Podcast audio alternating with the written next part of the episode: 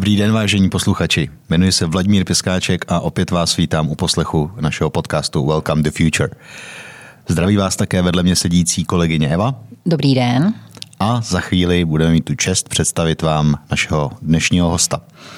Dneska to bude trošku o střetu generací, protože náš dnešní host je zahleděn do minulosti, dívá se do ní, zkoumá jí, ale vlastně žije docela vzdálenou budoucností, takže perfektně se hodí do skladby našeho pořadu, neboť troufám si říct, že pokud teď bude přemýšlet o tom, co bude dělat, tak bude přemýšlet roky dopředu, nikoli dny dopředu, když bude přemýšlet koncepčně. Evo, představíš hosta?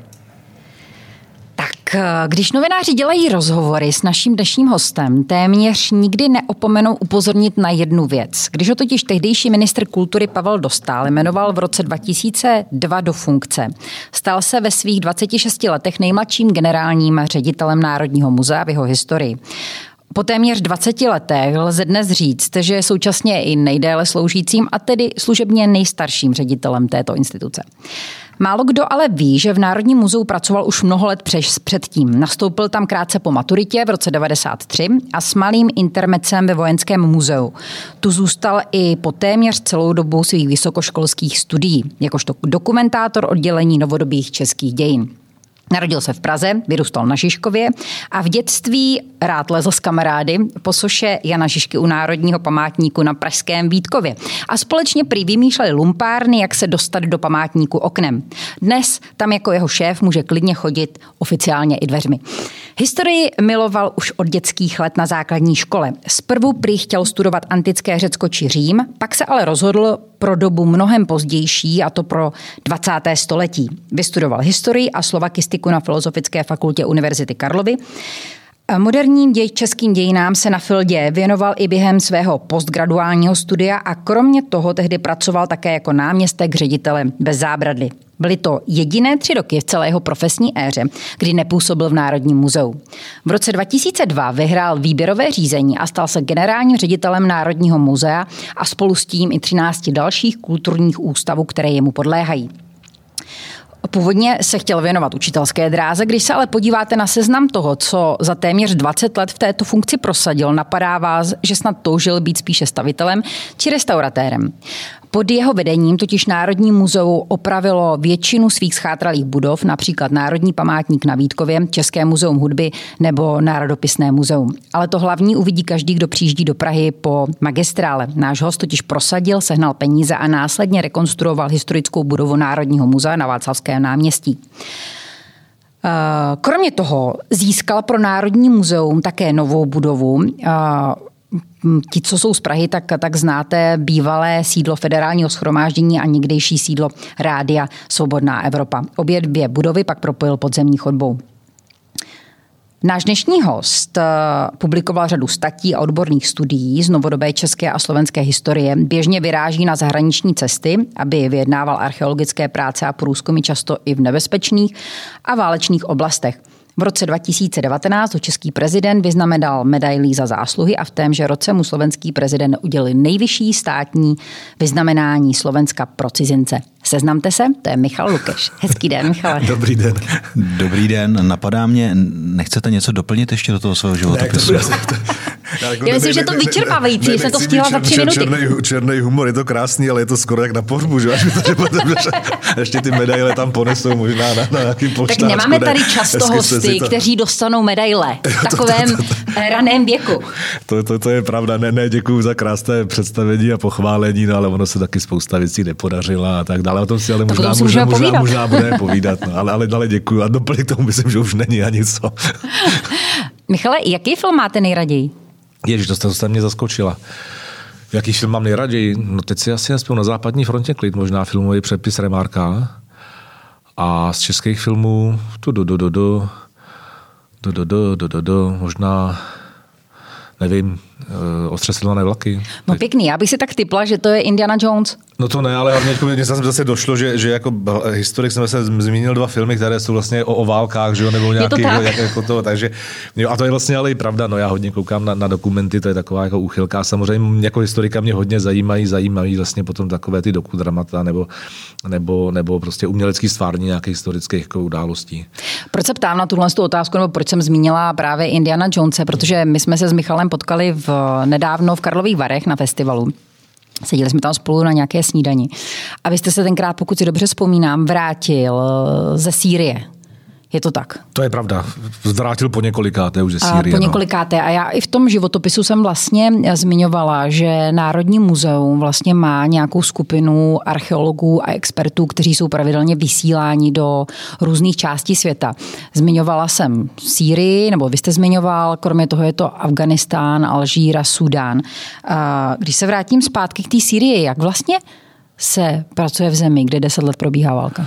No, protože se tam těžko, ale jako já ještě řeknu, jako Indiana Jones, tak já spíš jako sebou jako vozím ten oblek, než, než, než, než nějakou výbavu, protože já opravdu nejsem ani A vestu ne, neprůstřelnou. No tak tu, tu mi tam většinou půjčej někde, jako jo, třeba v tom Afghánistánu, nebo ji prostě musí, musíte mít.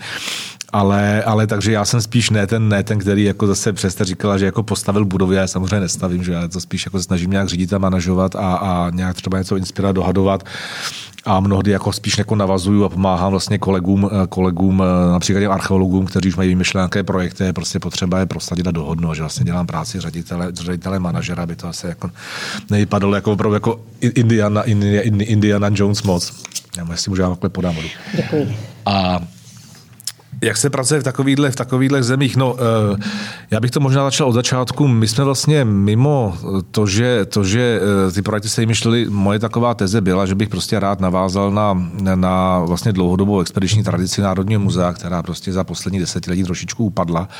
A začali jsme se soustředit mimo jiné tedy na archeologické vlastně výzkumy e, různě po světě, především, především ve Středomoří a okolních, okol, okolních zemí.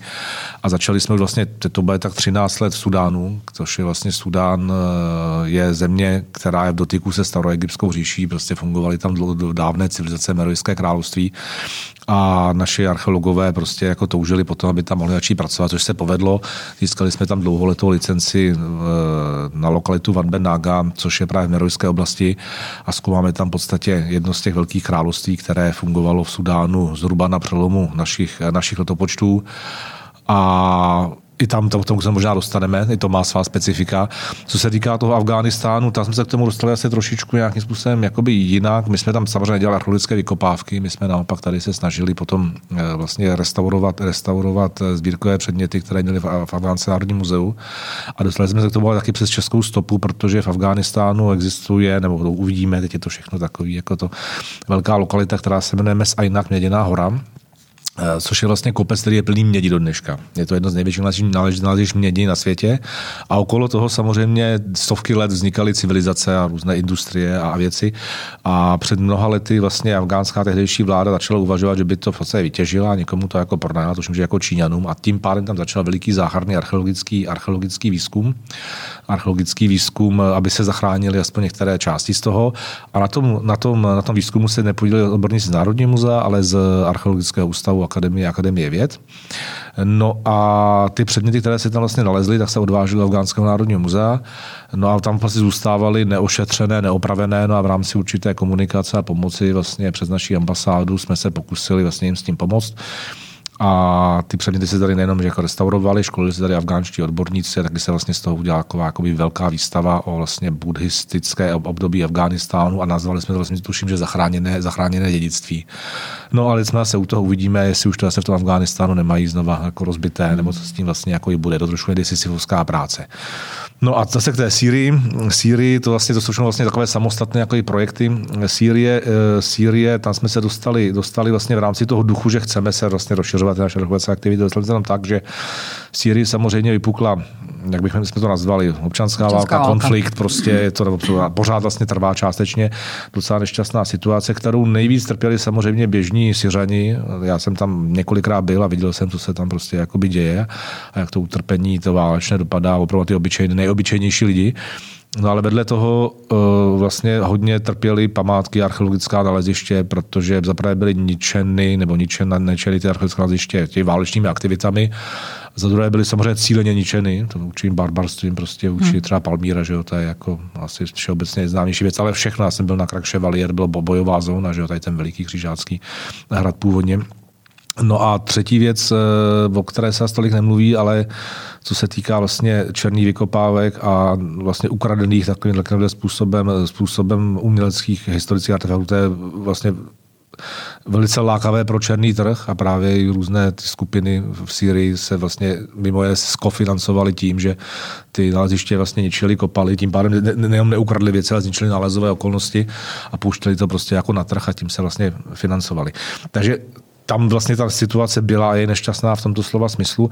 No a česká vláda eh, vlastně schválila už před mnoha lety program, který se jmenuje eh, humanitární a rozvojová asistence pro Sýrii. A musím říct, že ministerstvo zahraniční věci bylo takové jako i prozíravé a futuristické, že mimo to, což je samozřejmě potřebné, že tam jsou vlastně věci, jak pomoci těm běžným lidem, humanitární pomoc, třeba říkám před Červený kříž, tak je tam i kapitola, která se jmenuje toho záchraně světového kulturního dědictví a Národní muzeum, vzhledem k tomu, že má tyhle ty zkušenosti letité, tak vlastně bylo požádáno, aby jsme vlastně začali, začali nepomohli vlastně s operací té pomoci, pomoci do, do Sýrie. Což jsme se teda naučili jakoby hodně nového. Naš, naši vlastně partneře, partner, partnery tam jsou eh, generální ředitelství pro památky a muzea Sýrie, což je vlastně jako organizace kombinace Národního muzea a památkového ústavu. No a my jsme vlastně po několik let vlastně dodávali jim různou materiální pomoc právě na záchranu těch věcí. To jsme se třeba naučili, která k loděmi dostávat do země válečné, která ještě po embargy e, vlastně materiál různe, mm-hmm. různého druhu, samozřejmě legálně, ale nebylo to úplně jednoduché. No a vlastně tak jsme začali jsme to vlastně lítat i v těch vlastně největších bojích. Já jsem byl ještě v Damašku, kdy opravdu tam padaly, padaly, padaly bomby. A musím říct, oni si, oni si vážili jak té pomocně materiál, jak si vlastně vážili toho, že na ně jako, jako někdo nezapomněl, že to vlastně za ním asi vůbec jako i trofnu přiletět. A to se nám potom bez toho, aby jsme se o to nějak snažili, vlastně zúročilo v jedné věci, že oni nám potom po několik letech sami nabídli, nejdřív jako až, až to půjde, ať už to jde, že nám vlastně udělí archeologickou licenci na vykopávky, nedaleko Latákie, na období, který je až vlastně 2000, 3000 let eh, staré, eh, staré na vlastně období, které je vlastně blízko ugarické, ugarické civilizaci a vlastně mysleli to tak jako kompliment, tady se nám vlastně tím chtějí jakoby poděkovat. No a my samozřejmě se nám to jakoby strašně líbilo, zalíbilo se to našim archeologům, vytvořili jsme, vytvořili jsme, eh, vytvořili jsme tým a začali jsme vlastně na tom jako pracovat. No, mimo té války nám pak do toho promluvil trošku covid a vlastně znemožnilo to jakoby cestování. No a teď, jak ten covid ustupuje, no tak právě jsme se rychle snažili jako vlastně zahájit jako tam ty fyzické práce. No a proto já jsem byl teď v Sýrii, nejenom v Damašku a Latáky a nejenom já, ale naši archeologové a vlastně se zahájili první prospěšní práce na tom našem lezišti a doufíme, že budeme teď úspěšně dál pokračovat. No a jak to teď vypadá teda v té Sýrii? A byl jste v Palmíře třeba, protože vy jste zmiňoval v Palmíře Palmíru? Jsem, v Palmíře, v Palmíře, Palmíře, Palmíře jsem nebyl, abych se tam chtěl jakoby jednou podívat. Asi už by to dneska z bezpečnostního hlediska jako, jako by šlo. No vypadá to jako, jak vám se to těžko jako popisuje. Ono, člověk má úplně jako možná jakoby jiný, jiný představy eh, o tom, jak, jak, jak tyhle ty věci jako, jako vypadají. Já když jsem ještě před těma lety jezdil do Damašku, tak to vlastně v půlce Damašku byly otevřené obchody a prodávalo se luxusní zboží a, a, a všechno fungovalo. A třeba ta frontová v úzovkách linie byla 700-800 metrů, metrů daleko. To prostě se bojovalo jednotlivé čtvrtě v tom Damašku. A v určité části prostě byl normální život a v určité části, že dneska tam projíždíte a jsou vlastně úplně celé zničené jakoby eh, dom, domy čtvrti, protože se tam vlastně o to nějakým způsobem přetahovali. V Damašku potom, že eh, ty, co se snažili někoho zabít a tyhle ty, řekněme, určité skupiny, které já neumím úplně jako přesně rozkrýt, tak prostě byly, byly na, na, na vrší toho Damašku a potom už bezmyšlenkovitě v podstatě podle toho, co měli za zbraně, tak házeli dolů minometné granáty a tak dále do toho života, který tam jako běžel normálně. Takže ono je to takové jako promíchané. Vždycky to nebylo, že jste jako někde běhal po a samozřejmě byl, já jsem jako nebyl, ale i tady vlastně bylo nebezpečí. No a teď už takové to nebezpečí asi je pouze jenom někde, někde, někde na kraji. Tak zase, když jsme byli kdysi dávno, já jsem byl na znovu muzea v Alepu, Alepo hrozně zničené město, že jo, to se prostě půlka úplně lehla po Palemu, to se jako tvrdě, eh, tvrdě bojovalo, tak v Alepu se otevíralo uh, muzeum a jak měl jsem nějakou konferenci o záchraně památek a ještě vlastně, když jste vylezl na, na citadelu, na citadelu Alepskou, tak jste prostě viděl ty, ten, ten, co to je sever, nějaký východ, Idlíb a viděl jste tam ještě jako vlastně probíhající výbuchy a boje jsem se jako něco jako za 50-60 kiláků děje. Takže takhle to tam jako by zhruba vypadalo. Dneska už to tam tak jako, kde jsme byli my, nevypadá, že se samozřejmě v nějakých zónách ještě bojuje, no ale je to země, prostě, přes kterou prostě přešla válka, je plná prostě zbraní, je tam prostě plno, plno vojáků, jsou tam samozřejmě ruští vojáci, kterých jako konkrétně ty letáky hodně, protože tam mají jako velkou leteckou základnu a je to tam prostě jakoby vidět, ale na druhou stranu ten život se v podstatě tam začíná jakoby vracet eh, více k normálu a ty lidi, ty lidi bez pochyby, jako nehodnotím politickou situaci, ty lidi se prostě jako cítí, myslím, že lépe a bezpečněji, protože se tam ty bojové a jiné aktivity prostě jakoby utlumují. Jestli je to, já nehodnotím, jako jestli je správně, co to správně není, ale bez pochyby běžným řadům se jakoby oddychává. My to právě vidíme i na tom, že jsme mohli vlastně v té latáky začít jakoby zahájit nějaký jako běžný život. No, ale a do toho prostě, a to jsme u toho covidu, který, který zase samozřejmě hmm. ty země ještě tyhle ty začal jako tlačit někam, někam jakoby negativně. No. A když říkáte, že jste byl v Damašku, když tam padaly bomby, teďka, i když už ta situace se uklidňuje, přeci jenom k normálu má asi hodně daleko a dlouho mít bude, eh, k normálu z evropského pohledu. Tak, no, já se právě, co, co je to jako normál, ne, jo, to je... Beru, beru evropský pohled. A možná i jako řekněme dobu, kdy tam ty války nebyly nebo nebyly tak intenzivní, kdy ten život tam probíhal jinak. Jak se vám jako manažerovi vybírají nebo pouští vůbec lidé, eh, vaši zaměstnanci nebo vaši kolegové do, do takovýchhle zemí na delší výzkum?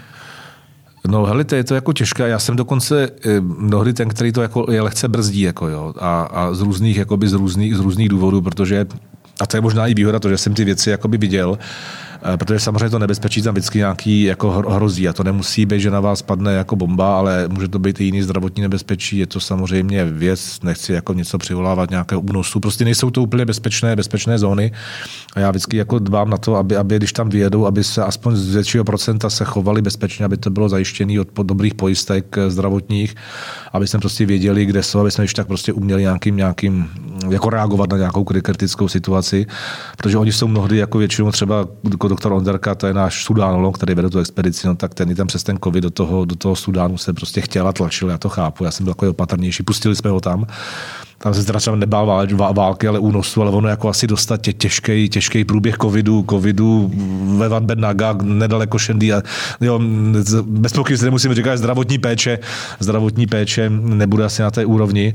A to samé, to samé to bylo s tou Sýrií a proto mezi náma, když jsme tam vypravili archeologický tým, tak mimo to, že jsem tam potřeboval podepsat nějaké dokumenty, mimo to, že samozřejmě s kolegy z takovýchto zemí si můžeme mailovat, oni jsou samozřejmě civilizovaní, ale ta, ten osobní kontakt jednání jako nic nenahradí, tak mimo to jsem to prostě tu realitu tam jako chtěl jako na tu, na tu první dobrou, dobrou vidět. Ono mezi náma to není úplně jako nejenom ta Sýrie.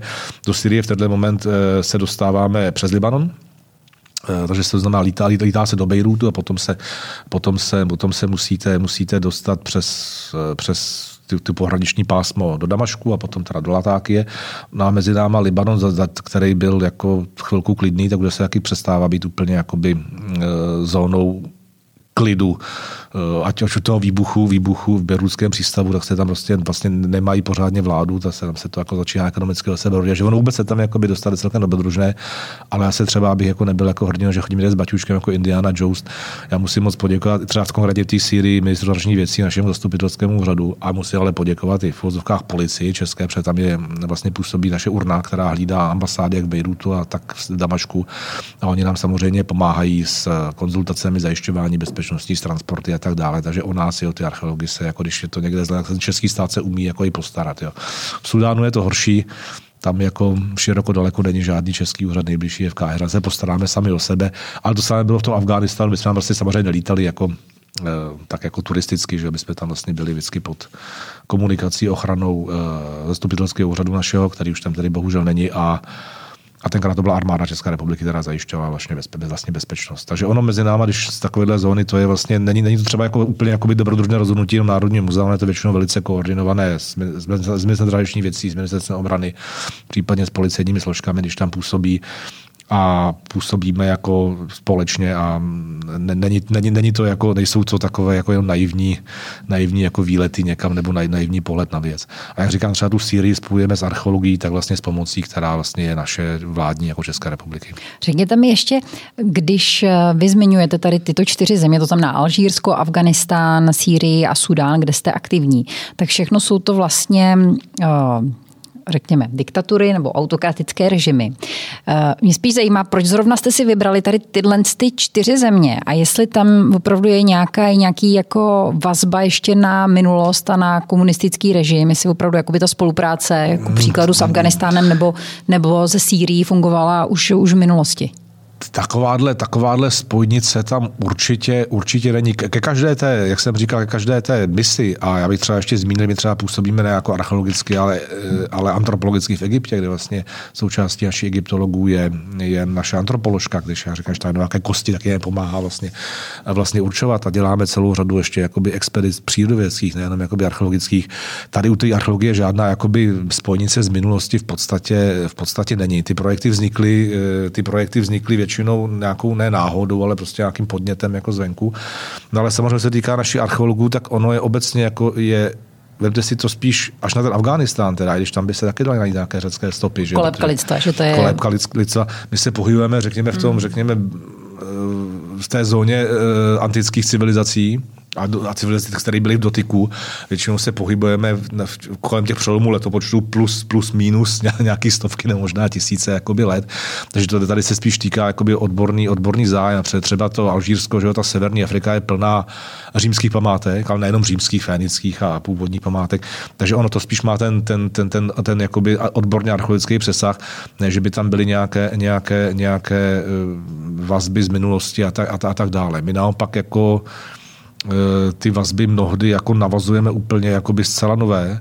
A samozřejmě třeba v tom Sudánu to je takový jako vtipný, my jsme, já říkám, my jsme jediný v podstatě zastupitelský úřad v Sudánu, jediný proti Zetu Káhira, který vlastně operuje Sudán. Ale ale, ale vlastně česká naše expedice Národní muzea, která tam vlastně působí dvakrát ročně, jako několik týdnů až měsíců, tak je taková téměř permanentní mise České republiky.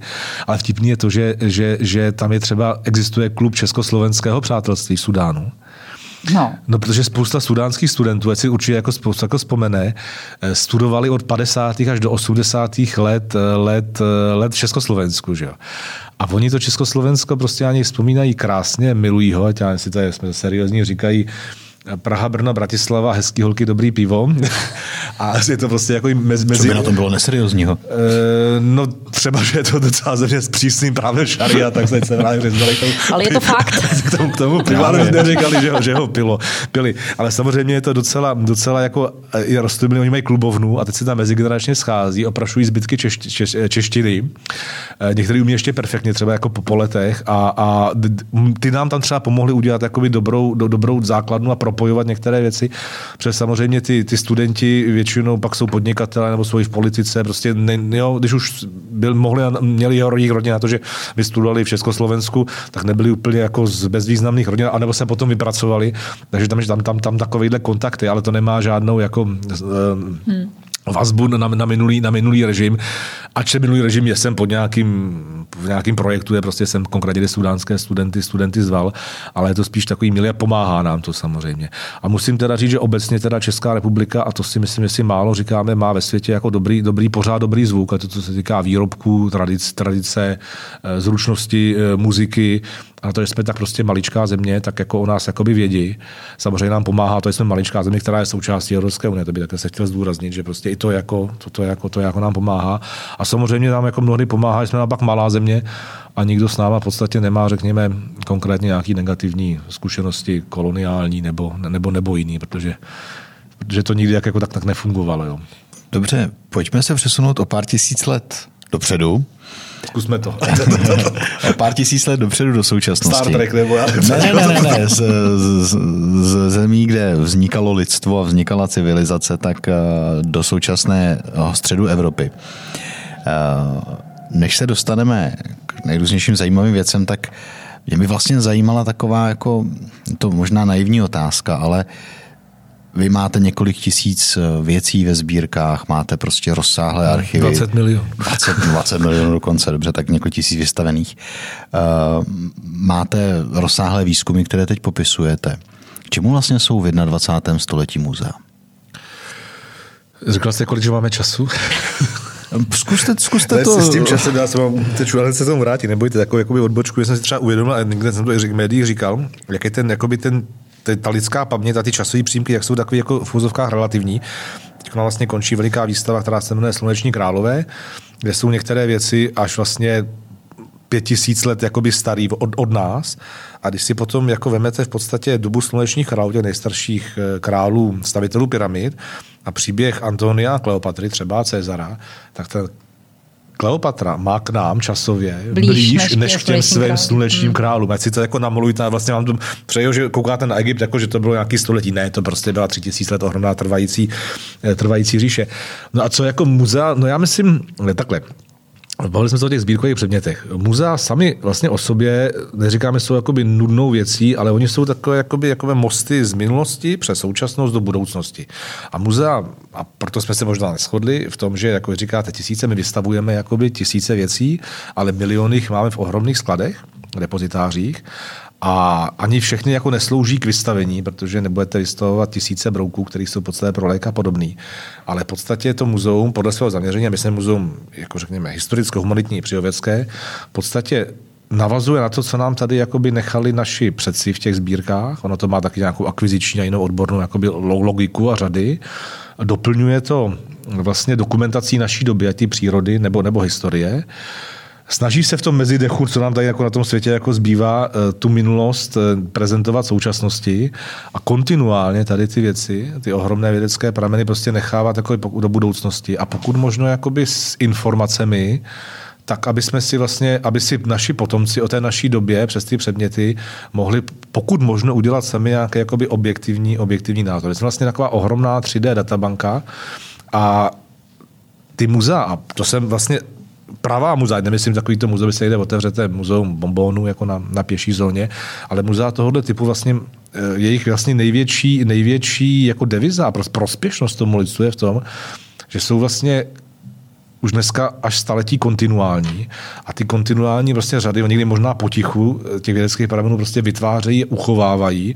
A pokud možno mají prostě vycvičené odborníky tak, aby to dělali jakoby objektivně. A samozřejmě mnohdy je vždycky jako složitý do toho nedávat nějakou subjektivitu naší jako doby a naš, naše pohledy, před, proto jsem hovořil taky o těch, o tom relativitě toho času, my jsme tady, já nevím, 50, 60, někdo 100 let, když se mu poštěstí, ale víc jako fakt jako ne. A že do toho se prostě musíme se zdráhat jako vpašovávat no, mnoho naší subjektivity, takže o to nikdy jakoby ne, ne, ne, ne, neumíte úplně oprostit. A tohle je vlastně ten hlavní jako smysl, smysl muzeí jako institucí, taková jako i paměť ať jako regionu, národa, státu, to je prostě podle toho, čemu jakoby, jakoby slouží. To je to, je, to, je, to je to podstatný a nejpodstatnější, ale samozřejmě i, i ta výstavní a prezentační činnost je hrozně podstatná, aby jsme jako se pokoušeli jako ukazovat, trošku vychovávat, edukovat a tak dále, ale ta databanka vědecká je prostě nejpodstatnější. No a mimo to, k tomu se taky možná dostaneme, to je vlastně ohromná jako práce s institucemi, s informacemi, promiňte. A e, tam se podle mě ta práce nemění, ale strašně rozšiřuje, protože před 200 lety jste prostě něco nazbírali, měli jste nějaký nález okolnosti, popsali jste to v úzovkách husím mrkem někam, někam na papír, ale teď přesně vidíte, jak se ta doba vyvíjí a vyvíjí se prostě jako metody e, informací, které vlastně k těm předmětům můžete jako získat. A to jsou samozřejmě jakoby odborné popisy, vyvíjí se vlastně metodika, můžete s těmi předmětami popracovat nedestruktivními metodami, umíte prostě z nich dostat mnohem víc jako informací, které okolo toho jednotlivého předmětu jakéhokoliv jakoby necháváte.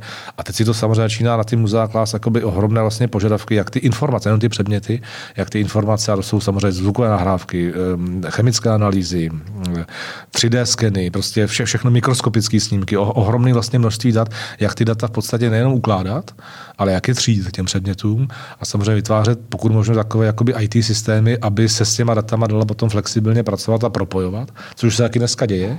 A taky to muzejnictví a ta věda se stává vlastně mezinárodní. Před dřív v úzovkách, když si někdo chtěl tam zkoumat vašeho brouka v Austrálii, jak jste ho museli fyzicky poslat. On si kousek toho, já to zlešťuju, kousek si toho brouka uříz, mikroskopoval si ho a napsal si nějakou, nějakou, nějakou studii. A dneska vlastně z toho brouka dokáže dostat tolik dat sami, že mu vlastně toho brouka nemusíte poslat, a on si to z vaší databáze, databáze jakoby stáhne jak údaje mikroskopický, tak prostě chemický údaje, fyzikální údaje, nejen co všechno. A další jako vědecky by o tom konkrétním broukovi a tím se ta věda taky strašně globalizuje a zrychluje. Že? A to už se dostáváme jakoby úplně kam jinam. A to bez muzeí, bez muzeí by tohle to v podstatě jako nemohlo se dostáváme fungovat. na internet. A dostáváme, já jsem tušil, že k tomu už budete chtít jako dojít. Jako... No, to nenutně, ale, eh, ale když teda bychom, bychom eh, vědu rozumíme, že rozvíjíte, jsou i jiné instituce, které ji rozvíjejí, vy je doplňujete, řekněme. No to ne. Vědu rozvíjíme, to jo, ale my máme ty, my máme ty sbírky, my máme ty prameny a věda bez pramenů se v podstatě nikam nepohne. Jo, to je, a v historii bez archivů se nikam jako nepohne, bez, bez, toho, bez, toho, bez toho záznamu. A bez toho, aby ty instituce tady byly, tak vědec jako ne, nemá jak, jako co, že jo. On si to prostě může si najít současný ruka, už se ho do minulosti. Takže my, my, jsme takový jako strážci, jo. A k tomu děláme tu vědu. Ale Dobře, tak, tak, tak uh, vedete archiv, děláte vědu a zároveň ji nějak popularizujete a ukazujete veřejnosti. Proč na to, proč se takhle ptám, že jsme nedávno s Evou byli na vlastně vernisáži, na uvedení vaší stále expozice Eh, tradiční expozice v úplně novém hávu, která se jmenuje Zázraky evoluce. Ano. A Uh, to bylo hrozně zajímavé, jak jste to uváděli, tam mluvili k tomu nejrůznější lidé, kteří se na ní podíleli. Mě vlastně fascinovalo, že tam byla řada oborů, který jsem vůbec netušil, že mají jako s eh, muzeí něco společného. Byli tam prostě lidé, kteří se zabývají kostýmy, světly, zvukem a tak. A říkal jsem si, OK, tak tady v té historické budově, hlavní budově Národního, Národního muzea, uh, asi jako i díky ty rekonstrukci, i díky prostě těm záměrům, který mají jdou, jdou do současnosti a byl jsem zvědavý na tu výstavu a vlastně Uh, pochopil jsem, že uh, ten cíl, a i to tam říkal, možná jste to říkal vy nebo nějaký váš kolega, je neudělat jednu výstavu, ale je zaujmout uh, lidi, kteří mají různou erudici nebo různé očekávání od, od toho prostoru. A vlastně jakoby prezentovat tu, tu vědu nebo tu historii. Co je teda vůči nikoli vědě, vůči sbírání, vůči bádání, ale vůči nám, prostě běžným lidem, kteří eh, chodíme do muzeí, chceme se nějak rozšířit to to je, co je teďka ten hlavní trend v tom muzejnictví? Co, jak vlastně stavíte teďka výstavy nebo expozice? No tak musím říct, že vlastně vždycky expozice nebo výstava, výstava, která čase omezená expozice, která trvá, jakoby, řekněme, déle, možná i neomezeně, vždycky je to zkratka. Jo, vy prostě nikdy, nikdy v té expozici jako nejste kniha, nejste, nejste, nejste audio nahrávka nejste ani odborná publikace. Je to vždycky jakoby zkratka a vy si přes ty předměty musíte vlastně říct, co chcete sdělit, jaké příběhy ve zkratce jakoby chcete, chcete, chcete tomu návštěvníkovi sdělit. To je jako asi první nejdůležitější vlastně jako úkol toho muzejníka, aby si jako řekl, co, o co mu vlastně jako jde, těch zázraků evoluce. Prostě taky zázraky evoluce. Tam třeba se snažíme ukázat opravdu zázraky evoluce, jednotlivý jako průběh evoluce, evoluce živočichů, živočichů na, zem, na zemi, zajímavosti. A samozřejmě to dáno, řekněme, trošku chronologicky od prv, prvních živočichů na zemi přes vystoupení na souše a tak dále, ale vždycky je to nějakým způsobem jakoby zkratka. A vy v podstatě nemusíte pominout ambici vysvětlit jakoby všechno v té expozici a musíte spíš se snažit toho člověka jakoby zaujmout, dát mu, řekněme, základní informace a pokusit se ho navnadit k tomu, aby si ty informace dál potom rozšiřoval a vzdělával se. A k tomu vaší otázce a k tomu dneska jakoby slouží eh, mnoho vlastně nástrojů, které jsou někdy až divadelního, divadelní, divadelního typu. Protože, a aspoň my, my se v těch našich výstavách spojicích nesnažíme jenom poučovat, ale právě k tomu poznání vzbudit i určitou jako emoci a nějaký jakoby zážitek, protože bez toho je to v podstatě jakoby nuda. A lidé možná více než v minulosti jako trošku jako požadují takovou nějaké jako takový jako záži, zážitek až jakoby kulturně světelného divadelní, divadel, divadelní, divadelního typu. Nesmí to samozřejmě jako i přehnat. A proto vlastně, když pracujeme s těmi předměty, tak vytváříme příběh, vytváříme jakoby informace a zároveň se snažíme v podstatě udělat i nějaký emotivně až umělecký, umělecký zážitek, až jsme muzeum, muzeum vědeckého typu. Takhle jsme vlastně pojali tu expozici zázraky evoluce. A ono to má vlastně ještě ne, jeden problém, anebo ne problém, ale e, ještě my jsme jako muzeum úplně pro všechny. Jo. To, když jako naše, jako naše, naši návštěvnickou jakoby složení nebo strukturu. E, teď nechci jako třeba říkat, že galerie není muzeum úplně pro všechny um, um, um, umění, ale prostě tam už chodí už nějaký jenom jakoby výsek, e, výsek jako lidí, kteří to umění jakoby chtějí jakoby vidět a mají k němu třeba nějaký vztah, to je hodně, ale, ale my muzeum jsme tady vlastně pro všechny věkově a ty k nám vlastně jakoby chodí se poučit jsme tady pro všechny sociálně a samozřejmě třeba skladba našich návštěvníků jsou, teď je teda covid, ale, ale vždycky to bylo tak půl na půl cizinci, turisti a, a, a, a Češi. A ty všichni, co k nám chodí, mají vlastně trošku jiný stupeň vzdělání, poznání a tak dále a všechny nějakým způsobem musíte se pokusit v podstatě oslovit a neotrávit jednoho, ne, nebo druhý a pro, proč nevytvořit nějaký zážitek. Docela jako složitá. No z pohledu manažera vám tu cílovku nezávidím teda. Bude no, cílit a... na všechny, to jako opravdu... No dobře, ale zase, když se to povede, tak jste průtokáč jak řeka, jo. Ono to zase jako, jo, to, to. Takže já jenom odpověděl jak se vlastně jako z toho z té vědy jako vlastně jako snažíme. A teď budeme vlastně kompletně jako naše nové, nové expozice eh, a teď ono to možná jako teď budeme mít vlastně většinu z nich do konce roku hotový, ještě vlastně přiběde okna do pravěku po té zázrak evoluce z té přírody. Což zase okna dopravy, jako v první fázi jsme si říkali, ty to je nuda protože jsou samý šutry. Bude tam že? mamut, že jo? No bude tam samozřejmě mamut, ale, ale to, že jo, to, to máte geologii, mineralogii, trilobity, skameněli. Hromada, hromada vlastně, vlastně šutrů, jako jo, který by jako nikoho sami jako nezaujali, ale jsou to vlastně okna dopravy, jako, že jsou vlastně prameny, které my se snažíme nějakým způsobem rozpohybovat, samozřejmě mamuta, dinosaura a, a ty věci, jako už si sem nepřivezete. Takže tak opět to bude doplnit vlastně modely a vlastně přes to skamenělí chceme vlastně udělat okna do pravěku, do toho života v pravěku. A vlastně, jestli se to povede, já myslím, že jo, tak se vlastně jako by to, to, to dávno mrtví asi jako rozhýbá, vlastně to nebude expozice, původně jsme říkali, asi expozice o neživé přírodě, ne, ale to vlastně bude expozice o živé přírodě, jenom jakoby dávno minulá a musí vlastně asi vtáhnout jako toho návštěvníka jakoby do děje. No, nechte se, pozveme vás rádi, nechte, nechte se překvapit, třeba ukazujeme, jak zahynul náš jediný český dinosaurus a byl, a byl sežrán docela naturalisticky. Takže jenom bych to dopověděl. Takže my vlastně připravujeme e, pro to muzeu ty expozice, expozice teď systémově a protože jsme muzeum historické a, a, a přírodecké, tak vlastně uvažujeme i, aby, jak bychom zaujali nejen v té jedné expozici, ale vlastně, když se báte na budoucnost, tak já jen třeba za, za dva roky, až to celý prostě dokončíme, až to, tak vlastně to myslíme působit jako jeden systém a v tom zážitku a zaměření a to jednotlivého návštěvníka, protože to muzeum je veliký, tak vlastně chceme jako nenápadně jako selektovat a, a v každé té expozici vlastně jako dělat některé věci stejně, některé jinak a připravit vlastně opravdu komplexní, komplexní jakoby zážitek. A druhá, že vlastně nechceme, aby k nám ten člověk přišel jednou, ano, asi turista z Koreje, Japonska možná dvakrát, ale co se týká českého návštěvníka, aby vlastně měli důvod se k nám pořád nějakým způsobem jakoby vracet a pořád hledat jakoby něco nového, aby jsme si nevyčerpali po celé tu domácí, domácí jakoby základu. A že je to celá jako složitá, podle mě jako disciplína vůbec té, té komunikace s tou, s tou veřejností. Já jsem teď ještě řekla, mě to jako utlučové, říkám, a ještě k tomu musíte přemýšlet o jedné věci, na té vysoké vědě že jo? A, a odbornosti a, a, a, a serióznosti a konzervativního přístupu, pořád musíte konkurovat s, s jinýma místama trávení volného času. A protože jsme jako tady vlastně muzeum úplně jako i pro všechny, tak prostě někteří opravdu si asi budou vybírat, jestli půjdou jakoby do muzea, nebo jestli půjdou někam shopovat, nebo já nevím, do Fouzovkách, do Dino Parku, kde taky je to zajímavé, ale ty potvory prostě už jsou, bez, jsou umělo, umělý a, a neříkám, že úplně bez nějakého vědeckého základu, ale bez těch originálních, bez těch originálních sbírek. A tím pádem vlastně musíte vždycky přemýšlet, že abyste přitáhli tuto skupinu, taky musíte připravit jakoby něco zajímavějšího, třeba jim říct, že je to vlastně kvalitnější trávení volného času a zároveň prostě musíte poskytnout všechno zázemí, na který jsou prostě zvyklí v jiných třeba komerčních jako projektech.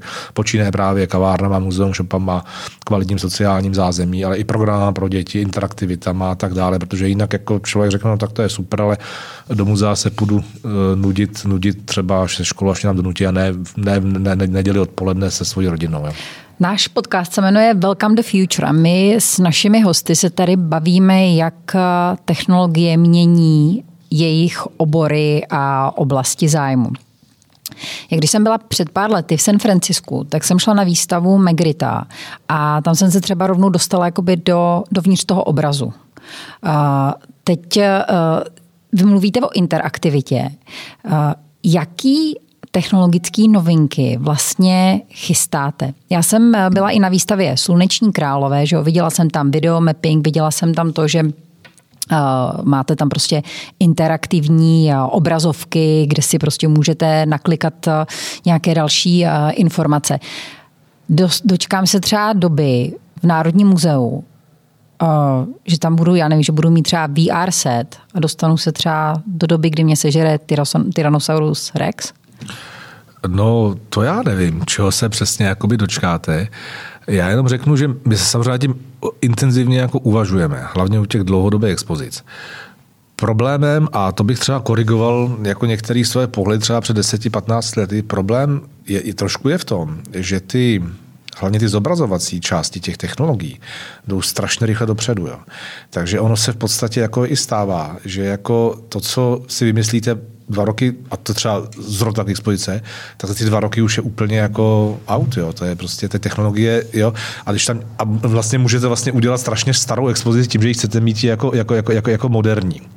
Ale bez pochyby tohle to je cesta. A proto my taky mnohdy, a to vypadá možná jako divně, my se mnohdy eh, ty expozice hlavně stále nechceme jako přeplnit eh, právě něčím, co zestárne. A mnohdy se vracíme na kombinaci digitálních jako virtuálních technologií a zároveň se vracíme ke klasickým interaktivním, zajímavým jako prvkům mechanickým, který ty lidi v podstatě taky jako do něčeho v toho mají rádi, ale ty vlastně jako nikdy, nikdy nezestárnou ale to neznamená, že se vracíme někam jakoby do dopravěku. Jo.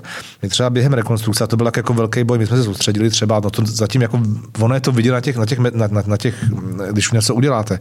My jsme se soustředili vlastně na vybudování toho hardwareového základu. Ta budova, ty budovy jsou třeba jako protkaný různýma technologiemi, které vám prostě umožňují umožňují vlastně eh, a budou do budoucna umožňovat velký datový toky a prostě pracovat s tím jako neviditelně, žádný dráty a tak dále. Já nejsem IT, oni vám to všechno vysvětlili. Třeba bychom se teď řídili my, my, jsou velíny bezpečnostní, že jo, velíny nějaký klimaty, už máme velín IT technologií. Prostě jenom proto, aby vlastně ty všechny interaktivity se tomu klukovi, který tam má službu, promítali v reálném čase v po celém muzeu a on dokázal, dokázal zasahovat a kdyby něco nefunguje a prostě viděl, jakým způsobem v tom muzeu ty, ty, jako v těch tom IT funguje, že není nic trapnějšího, než když si jako postavíte expozici na, na, na multimediálních zážitcích a ona vám schoří lampa nebo někde se něco přetrhne a ten kus to, to neumí nahodit a prostě najednou, najednou vlastně úplně to je černý divadlo, že rozsvítíte, jo. To prostě, jo, a, to, to, a to, to, to, tohle je vlastně cel, celkově jako věci zatím. Takže jako na vaši otázku, já třeba vím, že, že, že po novém roce rozplaveme velrybu v rozšířené realitě a půjdeme jako vlastně dál touhletou cestou, protože vlastně mimo to, co vidíte tam, vy teď usilovně zkoušíme, testujeme, aby jsme neudělali něco s Brklem, naší novou aplikaci, jako, kterou jsme si vyvinuli sami jako Národní muzea, která má samozřejmě ten obchodní a marketingový jako rozměr. Samozřejmě ale umí právě provádět po té, po té, po té budově, umí právě jednotlivé příběhy těch eh, předmětů. Ona samozřejmě pozná, kde stojíte a, a to teď lokalizuje podle ty jednotlivé jako styč, styční body a umí samozřejmě do toho pouštět spoustu jako další věcí, kterými si jako vymyslíme. Třeba teď právě jsme, jsme opravdu rybu, jsme ji samozřejmě naskenovali, teď ji vyrábí tak, aby se stali podělala se vám jako obalila masem a plavala, plavala v tom. A touhletou cestou půjdeme dál a budeme i vyvažovat vlastně ty mechanické interaktivity, ty interaktivity, řekněme, digitální uvnitř muzea a ty věci, které vlastně vy budete mít jako virtuálně ve svých vlastně přístrojích, který si přinesete a budete s tím nějakým způsobem dál jako pracovat. Takže my se jako vybavujeme na tohle, na tohle, na tohle cestu. A zároveň jsme z malého IT oddělení během vlastně čtyř vybudovali celý odbor IT, protože já prostě pořád, a to musí být komplexní, já prostě pořád jakoby říkám, že až, když se dokončí ty stavební rekonstrukce, se musíme, už se pouštíme do digitální revoluce, ale musí to být právě na, na mnoho let systémově, strategicky jako propracované a pře, přemýšlivé a ještě v těch oblastech, které jsou právě vidět, jak jsem říkal, zpráva, sbírky, pracování s informacemi komunikace, komunikace, komunikace s návštěvníkem, hardwareové systémy, ale mezi náma i vlastně vnitřní biznis, administrativní fungování muzea jako instituce. Takže já nevím, jestli vás sežere dinosaurus, ale bez pochyby se budeme sledovat jakoby nejmodernější jakoby trendy. A teď jsme třeba jakoby uvažovali, jak to se svým naším šéfem IT, že ještě jsme to dokončí, bude nám to třeba připadat málo na, na ten konkrétní jako multimediální jo, nebo interaktivní, že bychom vlastně museli, že bychom rádi třeba oživovali v těch, v těch v tom muzeu různé jakoby kouty a koutky, kde jsme se vždycky jednou za dva roky ty multimediální technologie jako obměnili, aby to prostě pořád bylo jako, jakoby fresh. A ta expozice, která stála mnoho desítek milionů a bude tam 10 nebo 12 let s těma zvířatama, tak ta tam prostě jako bude, že? to už jako nikdo, nikdo nebude čas, ani někdo nedá peníze. Takže my vlastně ty expozice musíme udělat hodně na časový, konkrétně zázrak evoluce, ale pořád s ním musíme tím způsobem pracovat. Jo. A vlastně jsme se dostali, že to se nepracuje tímhle způsobem, ale vlastně děláte edukativní programy, lektorované programy, kde vlastně to sdělní ty expozice a toho, co vidíte toho divadelního představení, pořád jako rozšiřujete na tu jednotlivou návštěvnickou skupinu. Ne, ne, nehovořili jsme o lidi s nějakým handicapem, že To je vlastně pak nástroj, s kterým jako pracujete, ale musíte si ho vyrobit, tak aby vlastně byl hodně multifunkční. Jestli jsem vás uspokojil svoji odpovědi. Děkuji, určitě uspokojil, ale já bych měl ještě další otázku samozřejmě.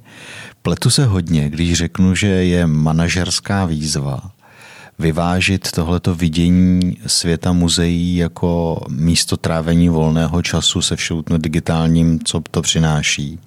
A zároveň eh, vnímání části vašich kolegů, kteří jsou historici, kteří prostě chtějí bádat a kteří eh, třeba poslání muzea vidí trochu jinak, než v tom, že by mělo konkurovat akvaparku?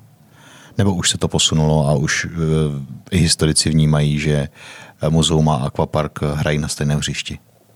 No tak je to samozřejmě jakoby o vyvažování a je to taky, že jo, tak jako to muzeum vlastně, vlastně a to je zase, my jsme jenom pro všechny, vlastně musíme splnit úplně všechno, co vy jste jakoby řekl, protože jsem tak naznačoval. Eh, bez té vědy a pramenů a těch sbírek a tak dále, bez těch lidí, kteří se o sbírky starají, jsou hluboce jako velice fundovaní, erudovaní, tak nefunguje ten motor toho, toho, toho muzea. Na druhou stranu samozřejmě to muzeum, eh, když bude dělat jenom, nebo nebude dělat výstavy, tak jak, jak je prostě mrtvý, že? tak prostě absolutně ztratí kontakt s tím, s tou současnou jakoby společností. A je to zase jako docela složitá manažerská disciplína, protože já říkám, že muzea vlastně mají být konzervativní v tom zakotvení. Jak jsem, jo? Musí, musí prostě ty tradice 200 leté z těch důvodů jako udržovat, že se svého principu jsou konzervativní, ale zároveň vlastně musí dynamicky komunikovat se současnou jakoby, společností a lákat sobě, sobě ty lidi. Takže ono je to jako vyvažování, no, no já ne, já myslím, že na, na mě, jak tady Eva už mě tady jako představila v podstatě jako že milion let slouží muzeu. Já si spíš myslím, že moji kolegové a kolegyně už si na mě za těch 20 let jako, jako z, z, zhruba jako, jako, jako, jako zvykli, jo, kam jakým způsobem jako, jakoby, jakoby jdeme. A nevím, jestli se mnou úplně jako všichni souhlasí, no asi jako určitě ne, ale asi jsou už jakoby zvyklí a zatím jako třeba žádná revolta nebo jako nebyla. Ale ono to spíš není o nějaké revoltě nebo o tom, ono jde o to, že prostě musíte toho člověka eh, který ho potřebujete, že abyste tu výstavu udělali, protože já fakt jako neudělám výstavu evoluci. Já to, já se tam chodím používat, jo, tak ty odborníky oni prostě jako i potřebujete, protože oni, oni, to prostě umí.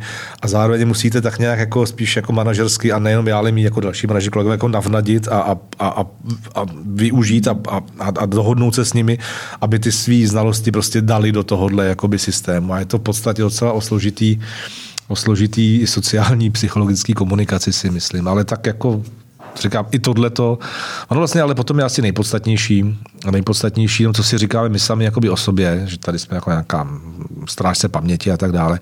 Ono je asi nejpodstatnější, jak nás vnímají lidé a tak konkrétní jako společnost. Nás prostě vnímají jako užitečné, jak z hlediska toho, té vědecké instituce, tak jako užitečné z hlediska a zajímavé z hlediska toho návštěvnického výstavního provozu. To, a to si myslím, že asi pro všechny musí být jako kritérium, protože jako to muzeum je vlastně veřejná instituce, která to nemůže dělat jako dovnitř jenom pro sebe. Jo. A to si myslím, že, si, že to tak jako má být. No.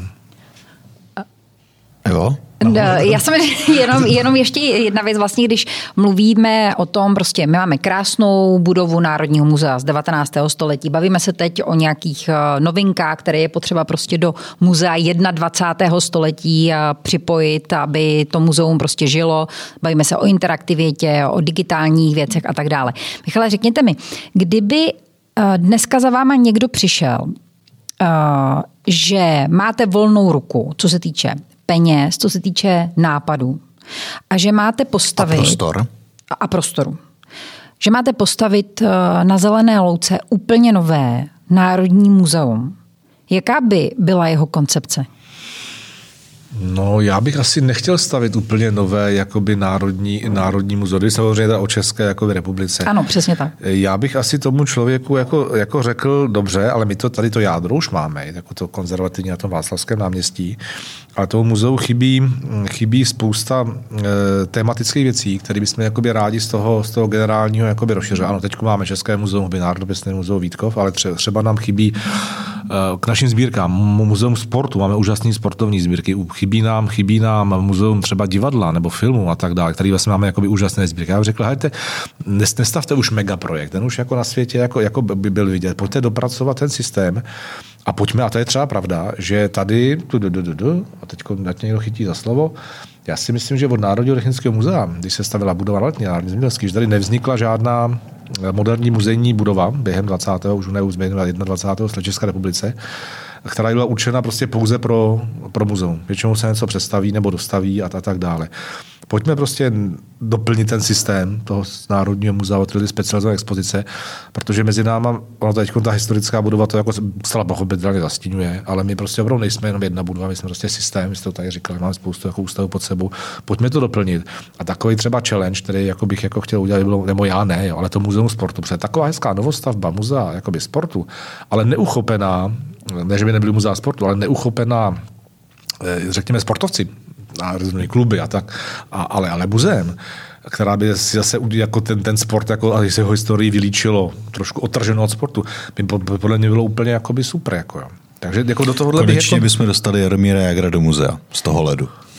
Jo, já přemýšlím, jestli, aby jsme, mu, ne, aby jsme mu nekřidli si Jaromír Jágr jako někde, jako to, no pozor, jako včera viděli jste náš Facebook, jako, jako já děkuju Lukáši Krpálkovi, včera super, že se nám natočil krásný spot na Facebook, protože to by asi nepodstatné, protože mimo jiné teda máme výstavu Olympijské Tokio v historické budově a mimo jiné teda Lukáš nám včera jako historikou přišel a půjčil nám na, na 14 dnů a do té výstavy svoji zlatou jako medaili.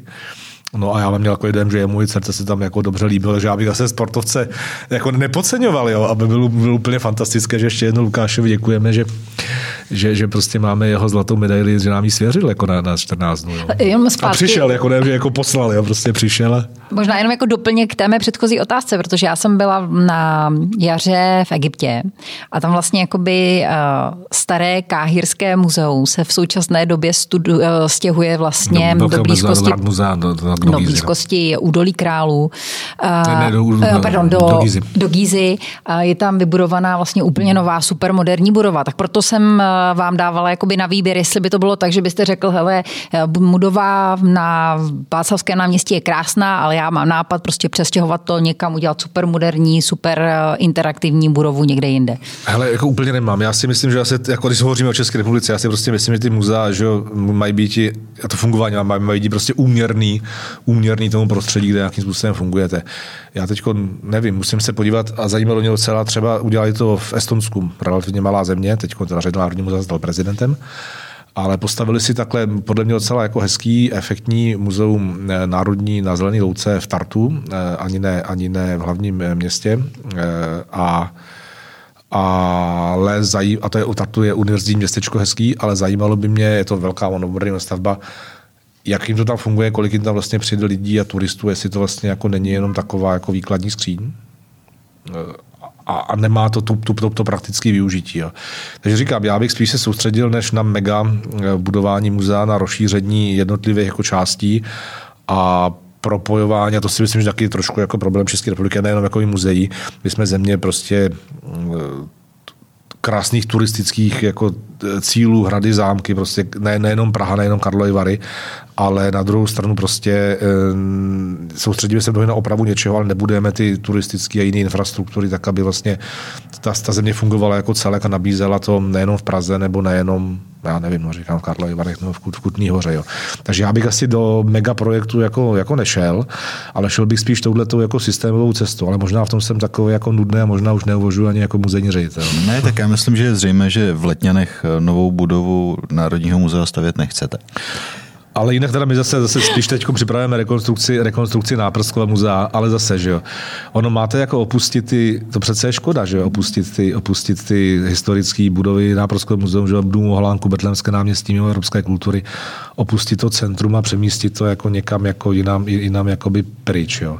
Já bych to kombinoval, to je jak u těch expozic. My také kombinujeme, například, co jste si teda všimli, že jsme se snažili třeba nejenom jako přistoupit moderně k těm zvířatům a, a tomu, ale my jsme třeba nakombinovali moderní vitriny, moderní technologie a prokládáme to vlastně opraveným a zachráněným a modernizovaným a třeba vybaveným obrazovkama, vitrínama z 19. století. A, a já si myslím, že, jako, že to je vždycky o nějakým jako souhře, jo? že vždycky něco jako utnout a říct, jako teď, teď, teď, to bude jako moderní a bude to jako úžasný a přetrhat ty vazby nebo ty kombinace s tím, co tady bylo, není úplně vždycky jakoby nejšťastnější. Ale... Jasně. No. Pojďme k penězům.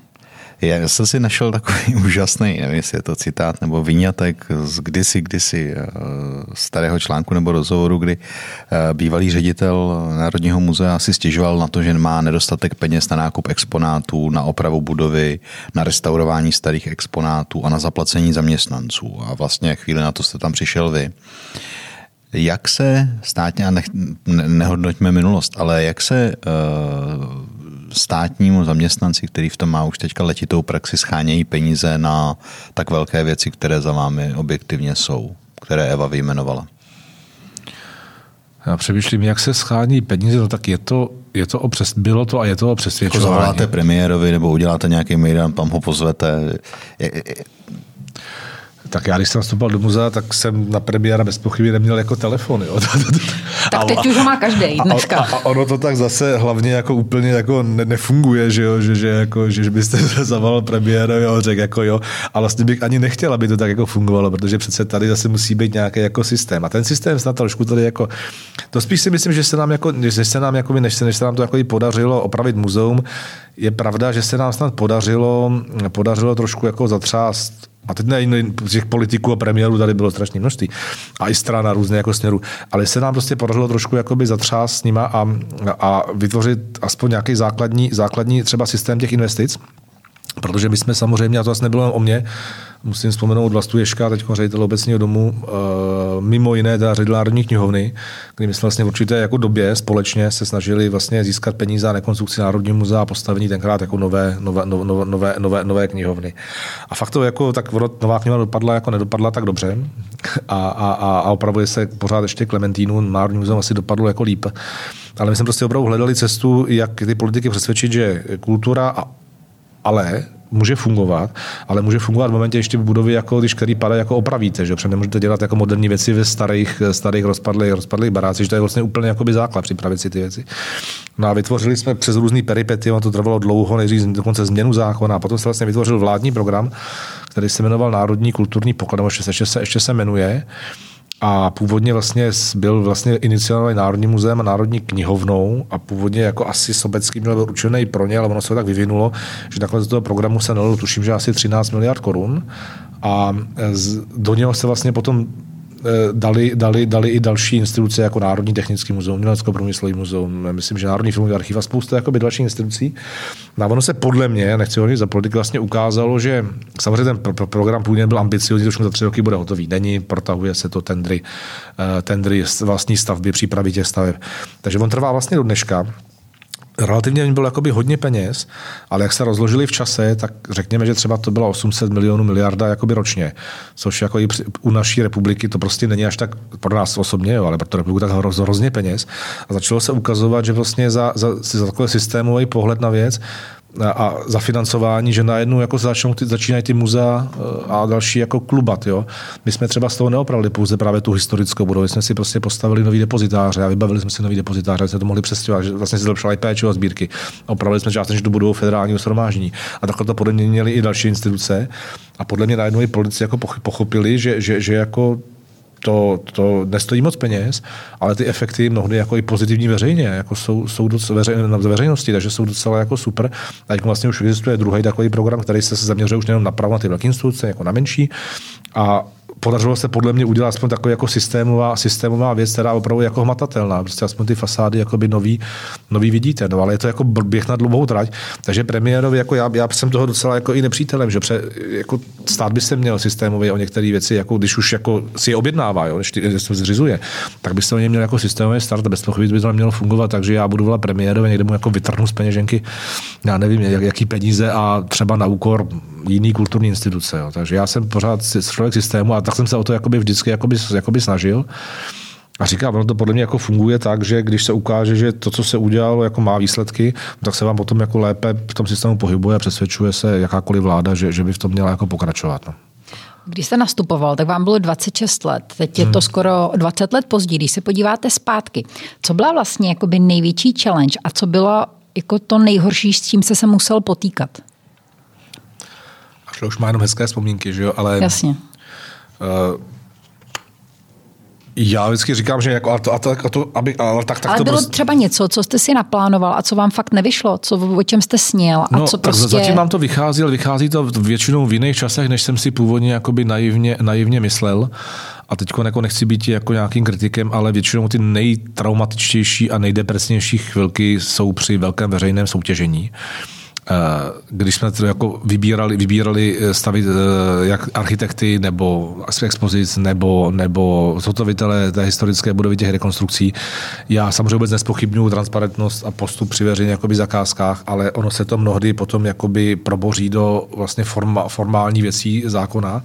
Mnohdy ty firmy a ten zákonník k tomu jako trošku jako na, na, vychází v ústrety eh, neúspěšné, prostě dokážu vám spoustu jako věcí zkomplikovat a potom třeba rok, rok a půl, prostě bylo to, jak to teď jako by stojíte a nemůžete vůbec nic dělat. Vlastně to je jenom, bitva právníků a, a modlíte se, aby ta zakázka, kterou jste třeba dva roky připravovali, aby vlastně jako nějakým způsobem jako dopadla úspěšně a mohli se jako pokročit, ale v, tý, v ten moment jako dělat vlastně nemůžete jako by vůbec nic.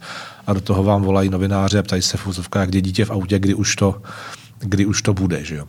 A, takže jako ne, že by to byly jako neúspěchy, ale některé věci se prostě nějakým způsobem jakoby protahovaly. Jo. Třeba u té u tý, u budovy historické, budovy Národní muzea třeba zase zásah ministerstva, že bychom měli celý naprojektovaný, spustili jsme spustili jsme uh, vlastně řízení ke státnímu povolení. Z nějakých důvodů prostě se řeklo, že přeprojektuje se a škrtne se nesmyslně půl miliarda, která nakonec se ušetřila v tom tendrování. No a my jsme to celý museli zastavit, přeprojektovat, byly, byly vlastně další časové, časové ztráty a najednou vlastně máte rok zase jako, jako pryč. Jo. A teď se vám to celý začne jako rozpadat, přesně to namalujete si to vždycky všechno, že teď dostavíte tohle, přestěhujete 10 milionů sbírkových předmětů, potom vlastně ta budova bude prázdná, tak můžete začít stavět za tolik a tolik ty předměty vrátíte zpátky. Jakmile tohle to přestane klapat, tak už vlastně už jenom léta jenom improvizujete improvizujete a teď celý vám to jako už, už nesedí, že jo? Prostě abyste mohli přestěhovat, potřebujete vysoutěžit firmu na, na, na to stěhování a tak dále. Tohle jsou pro mě vždycky jakoby ty největší, největší traumata. A mezi námi, jako, já jsem takový optimista, ale ono to bude a super. My třeba u toho s tím teď se bojíme s dalšími jako aspekty, úplně nemuzeníma, technickýma, ekonomickýma při budování expozic. Tam to naštěstí všechno vysoutěžené jako by máme. Trošku nám toho promluvili jako by covid a otevíráme, teď vlastně otevřeli dvě a otevřeme ještě se dvě stále expozice. No ale tady prostě letějí prostě ceny různých materiálů ohromně nahoru. A dobře, jak to je problém těch, bohužel, jak těch firm, který to, jako, jo, je to riziko, když to vysoutěží za jiných, za, za jiných podmínek, ale samozřejmě nej, nejsou lidi a ten materiál třeba jako by vůbec jako není. A já prostě pak, když potřebuji něco skloudovat nový budově a jsou k tomu potřeba troje požární dveře, a prostě troje požární dveře, protože komponent je tamhle někde asi z Číny, tak prostě jako nejsou, tak já to prostě toho, tu firmu nezabiju. Ona mi ty dveře prostě nevyrobí a já to prostě neskolauduju, že a co z toho, takže to, i, i, i, to je pořád, jako, i, i, tyhle ty věci jsou potom takový, jako, jo, ty vize muzejní a to je jako super. Stejně potom nakonec vždycky narazíte na, na úplně jako manažera každý, jako, každý jako firmy. A ještě u toho, já nemůžu dělat úplně jako rozhodnutí jako soukromá firma, že my jsme rovnou svázaný zákon záměrných zakázek, zákonem o majetku České republiky, rozpočtování pravidly a tady jsme příspěvkovka. Jo.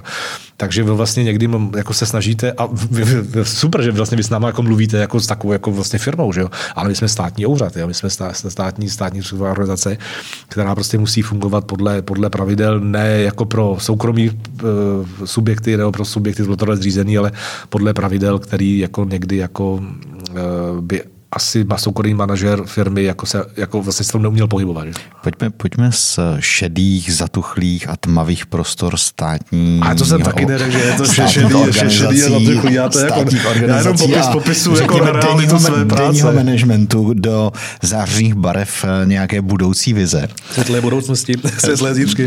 Ne, říkám úplně světlé, říkám zářné. To znamená, když bychom se podívali právě, nevrtali bychom se ve vašem diáři na příští týden, ale podívali bychom se na vize, eh, které pravděpodobně máte a část z nich jste realizoval. Co jsou nějaké další kroky, které by Národní muzeum mohlo a mělo podle vás udělat, aby se posouvalo? Tak já už jsem tady o tom částečně mluvil. My v podstatě odskočíme od těch, od od těch cihel a betonu, který v podstatě, abyste to řekla na úvodu, že se vlastně podařilo snad opravit většinu těch objektů, že čeká to náprsko, náprsko muzeum. A já teď vlastně v duchu toho, co jsem tady říkal, že až se to povede, a to se povede vlastně už teď, včetně těch expozic, tak konečně začneme dělat to muzeum. Že?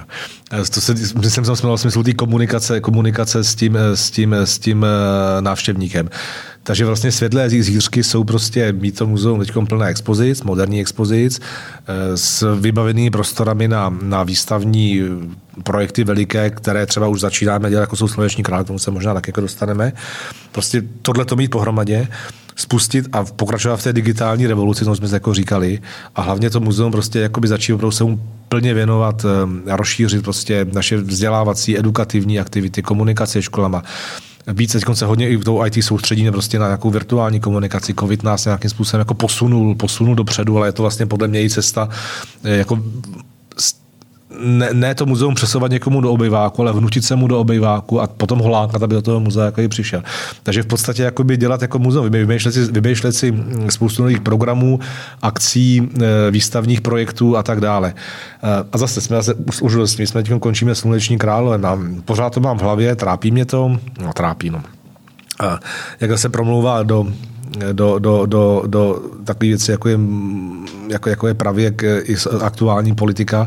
Třeba vlastně připravenou velikou výstavu, která se jmenuje Země mamutů. Myslím, že bude absolutně atraktivní.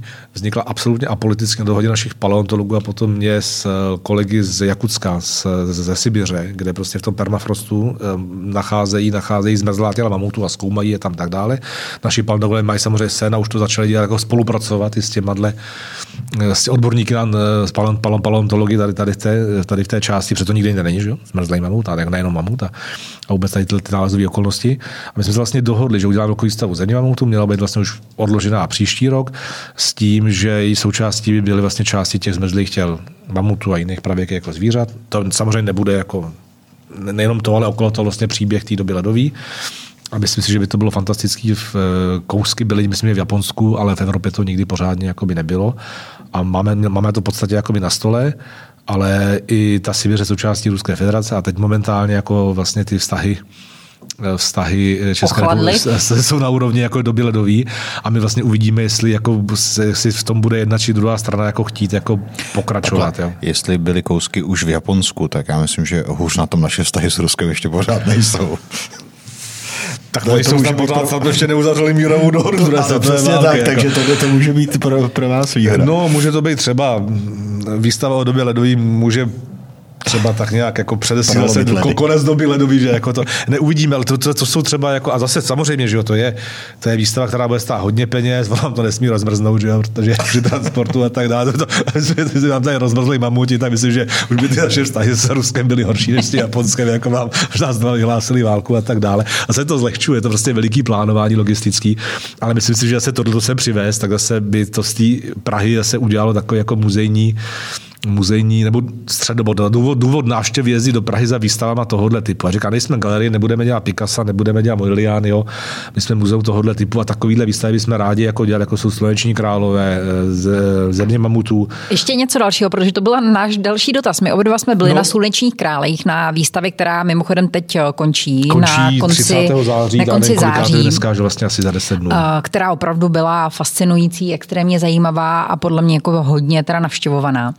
A I přes COVID musím říct. I přes COVID. A přesto, že vlastně byla, byla, byla spoustu měsíců toho roku 2021 zavřená. Jako Takže Sluneční králové, země mamutu, co nějaký další pecky? No další pecka, ta už, ale už, ne, už, už, už, už, ne, už nevoní touhletou exotikou, ale myslím, že bude dobrá. Připravujeme třeba jenom tak Duda s Bavorském velkou výstavu Baroko,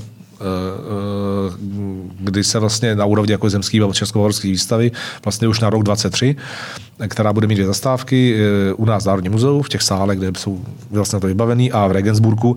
A chceme se vlastně podívat jako velkolepě na baroko jako velkolepý období, nejenom na umělecké jako styl, nebo na umělec, uměl, umělec, uměl, umělecká, umělecká díla, vlastně jako na dobu, život, společnost, ale chceme to trošku povýšit na, na takový ten pohled minimálně středoevropský na to baroko, středoevropský a možná jako trošku jako porovnat jako ten český pohled na to, že taková doba temna v vozovkách jiráskovská, což byla nebo nebyla. A Bavoři vlastně mají stejně podobné baroko, ale, ale, ale, ale, ale vnímají ho trošku nějak jinak, než jako třeba, třeba my.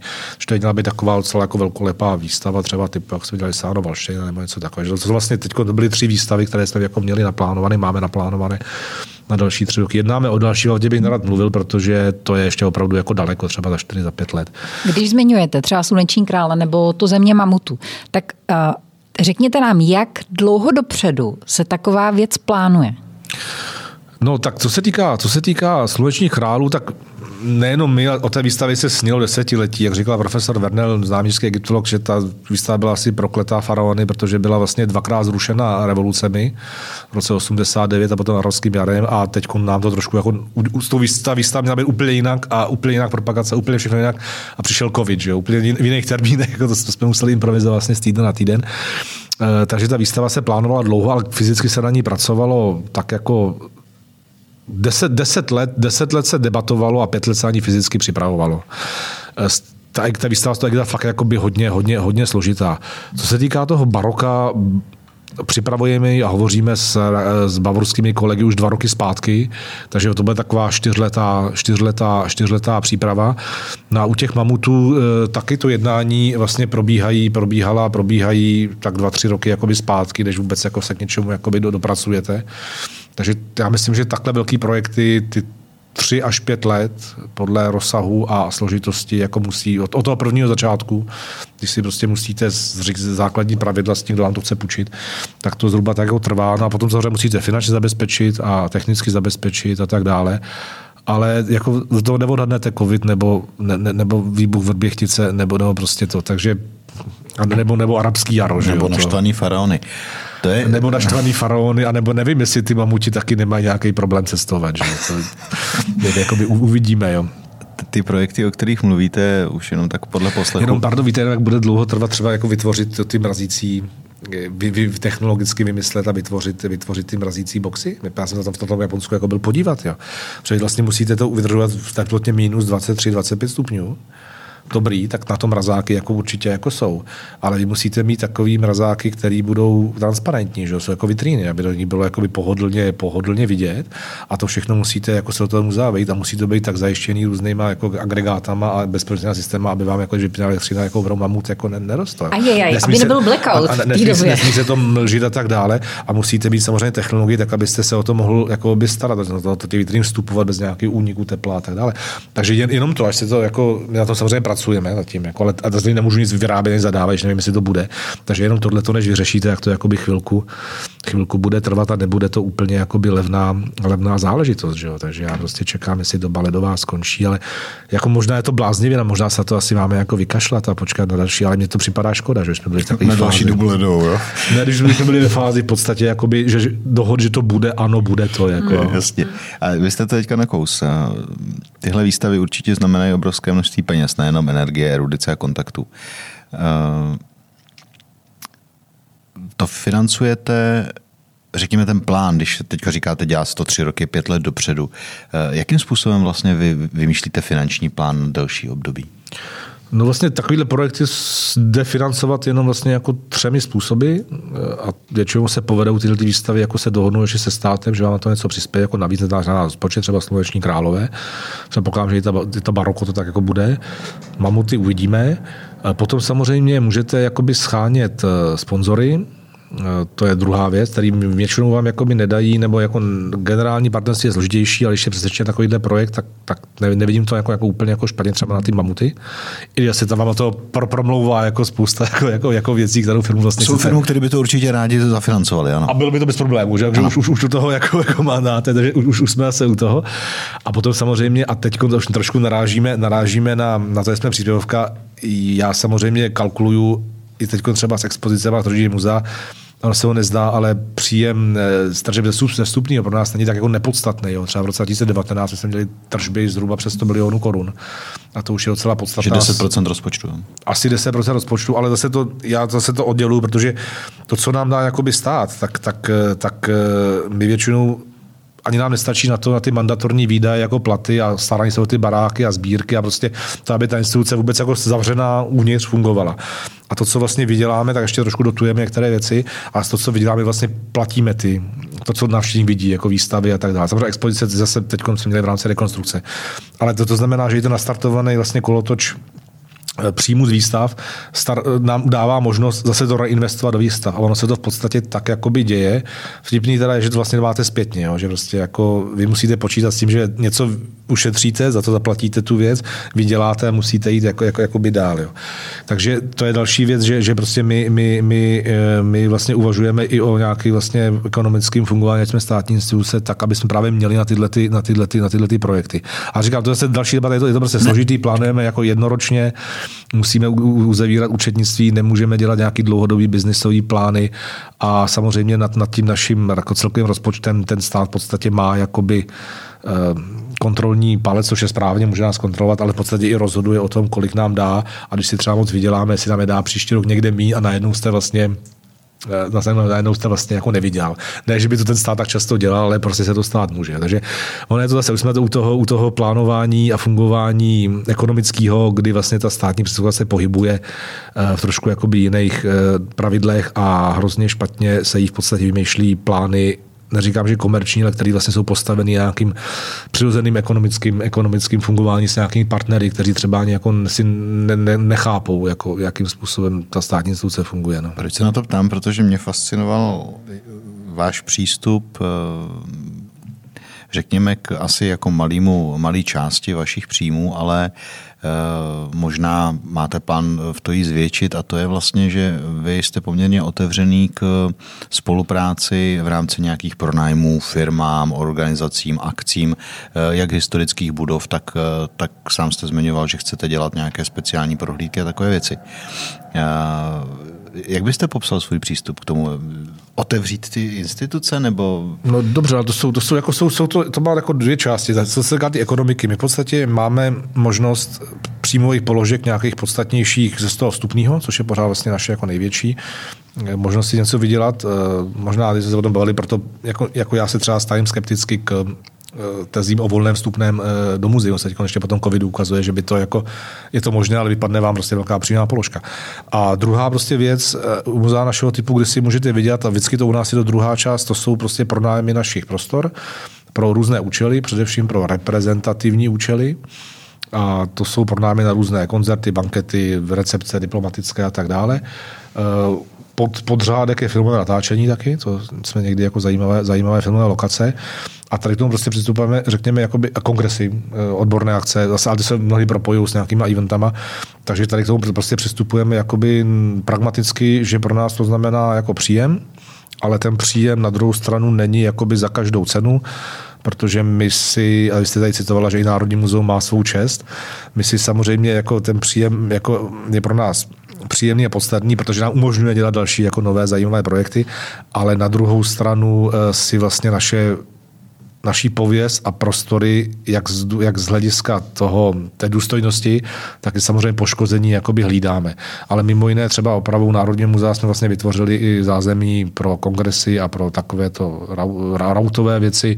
A to nebylo, co vidíte, ale kuchyňky, cateringové a tak dále a pronajímáme to, ale třeba teze je taková, že nejsme jako v některých obětech úplně levní, jo, protože nechceme, aby jako jsme za málo peněz dělali hodně akcí a přece jenom ten, kdo si připlatí a chce udělat jako akci noblesní a má na to, tak většinou ta akce je i důstojná. Většinou, teda většinou. Jako. Takže tohle je můj jakoby, přístup k tomu a k těm jiným jako eventům, který v tom muzeu jakoby, děláme, to nemusí být pronájmeno různé kooperace. Eh, my se třeba propojujeme při těch eventech s různými vědeckými a charitativními institucemi. Eh, děláme vlastně i věci jako muzejní noci, teď chceme dělat noc muzeu, připravujeme koncerty, ale to už nesouvisí úplně jakoby s tím. S tou částí, to propojování s nějakým networkingem, a řekněme společenským významem i muzea, nejenom jako výstavy a sbírky. No a ty další věci jsou potom mnohdy jakoby ukazování, že jsme prostě otevřená instituce směrem k určitým mladším generacím a, a že muzea právě třeba nejsou o těch sbírkách, ale že prostě fungují jako důležitá společenská instituce a že to jako, jako fresh cool a že jako tam můžete jako, že stojí to tam jako přijít, jako když, když třeba byste tam normálně jako nešla. To je zase na další jako, jako povídání. Jo. Ale u té ekonomické části ano, je to, je to tak. Já jsem si na závěr eh, vytáhla jeden z vašich rozhovorů, které to je zákeřný. vycházely. Ten, tento rozhovor konkrétně z roku 2006, to znamená, to už jste byl nějaký čtyři, čtyři roky ve funkci Asi jo, no. šéfa no. Národního muzea. Eh, mě tam zaujalo, že vlastně už před těma 15 rokama jste říkal, že chcete, aby to muzeum bylo co možná nejvíc živé, aby budova byla atraktivní místo pro setkávání lidí. Zmiňoval jste tam, že má dvě nádvoří, že jedno byste chtěl zastřešit a vytvořit atrium, který je podobný vlastně na hlavní poště v Praze. Eh, v druhým, eh, který by měl být otevřený, byste měl rád oázu klidu, muzejní kupuli, kavárna s vyhlídkou. Spoustu těch věcí se opravdu podařilo. Spoustu věcí jste musel zcela jistě modifikovat. Kopule je nádherná, kavárna tam asi nemůže být z toho důvodu, že... Tak že, já že... k tomu řeknu, no, protože to jsou jako praktické důvody. Přesně že? tak. Ty, ty vize byly, ale vody narazíte na tu realitu a netřeba jenom s těma zakázkami, které jsem tady hovořil, ale že třeba když jsme opravili tu budovu, tak najednou tady přijdou hasičské předpisy hasiči, energetické předpisy památkáři, budové národní kulturní památku a technická dispozice té budovy.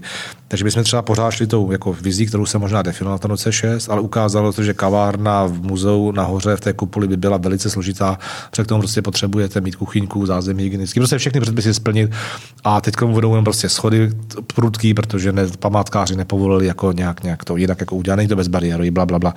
No tak jsme to jako jenom trošku poodskočili, ta kupole slouží veřejnosti, je to vlastně vyhlídka a nemůžeme tam dělat kavárnu, ale můžeme tam dělat takové právě jedno, jednorázové eh, dočasné třeba Eventy. eventové hmm. akce, kam jako se pro uzavřenou společnost. Taky ta kavárna, nebo má to určitě požádný počet lidí, kteří tam můžou být. Obě dvě dvorany jsou teď zastřešený, já jsem měl takovou tezi jednu zastřešit, druhou nechat open air, ale ono se zase ukázalo, že i památkářské je lepší to udělat jako jedna, jak se tomu říká, prostě souměrně. A za druhý, že z, z energetického pohledu na tu budovu je dobře zastřešit obě nádvoří a tím pádem se vám jako odstraní někde jinde další problémy, abyste dosáhl nějakého, já nevím, písmena energetické úspornosti té budovy a bla, bla, bla. bla vlastně já to zmiňuji z toho důvodu. na spoustu jako, eh, potom, potom té reality, ale jako úplně jsme jako ne, neopustili no, ten směr. Jo? Proto to říkám, já to zmiňuji z toho důvodu, že v podstatě opravdu jakoby jdete tím směrem, který vy jste si vytyčil. A v tom samém rozhovoru uh, jste eh, řekl ještě jednu věc. To začínám bát. Jako. Ne, ne, ne. Já nechci v muzeu oslavovat penzi. A zmiňoval jste tam o tom, to asi nechci, no. že jak dlouho může dobrý manažer fungovat na jednom místě, že potom spadne do rutiny a lenivosti a že bývá často umění si to uvědomit a odejít včas. A teď já se vás nejtam, neptám na to, jestli už jste spadl do rutiny, to v žádném případě ne, ale spíš vy máte nějakou další vysněnou práci, kterou, nebo misi, kterou byste chtěl dělat v případě, že byste nedělal muzeum? Ale ty jako nemám. Já jsem pořád jsem o tom jako nezačal jako přemýšlet, protože ono těch, tak tohle je nějakých 15 let zpátky. 15 let říkala, zpátky. Hmm. Ono to fakt jako je takový fičák a ono ještě jako úplně jako neskončil, jo? že tady je ještě jako spousta v tom muzeu, jako ne jako výzev, nejen pro budoucnost, ale jako dodělat ty věci, které jsme si jakoby řekli. A já v podstatě ani jako nemám jako čas přemýšlet jako nad něčím úplně jako jiným, protože ještě nejsme úplně u konce.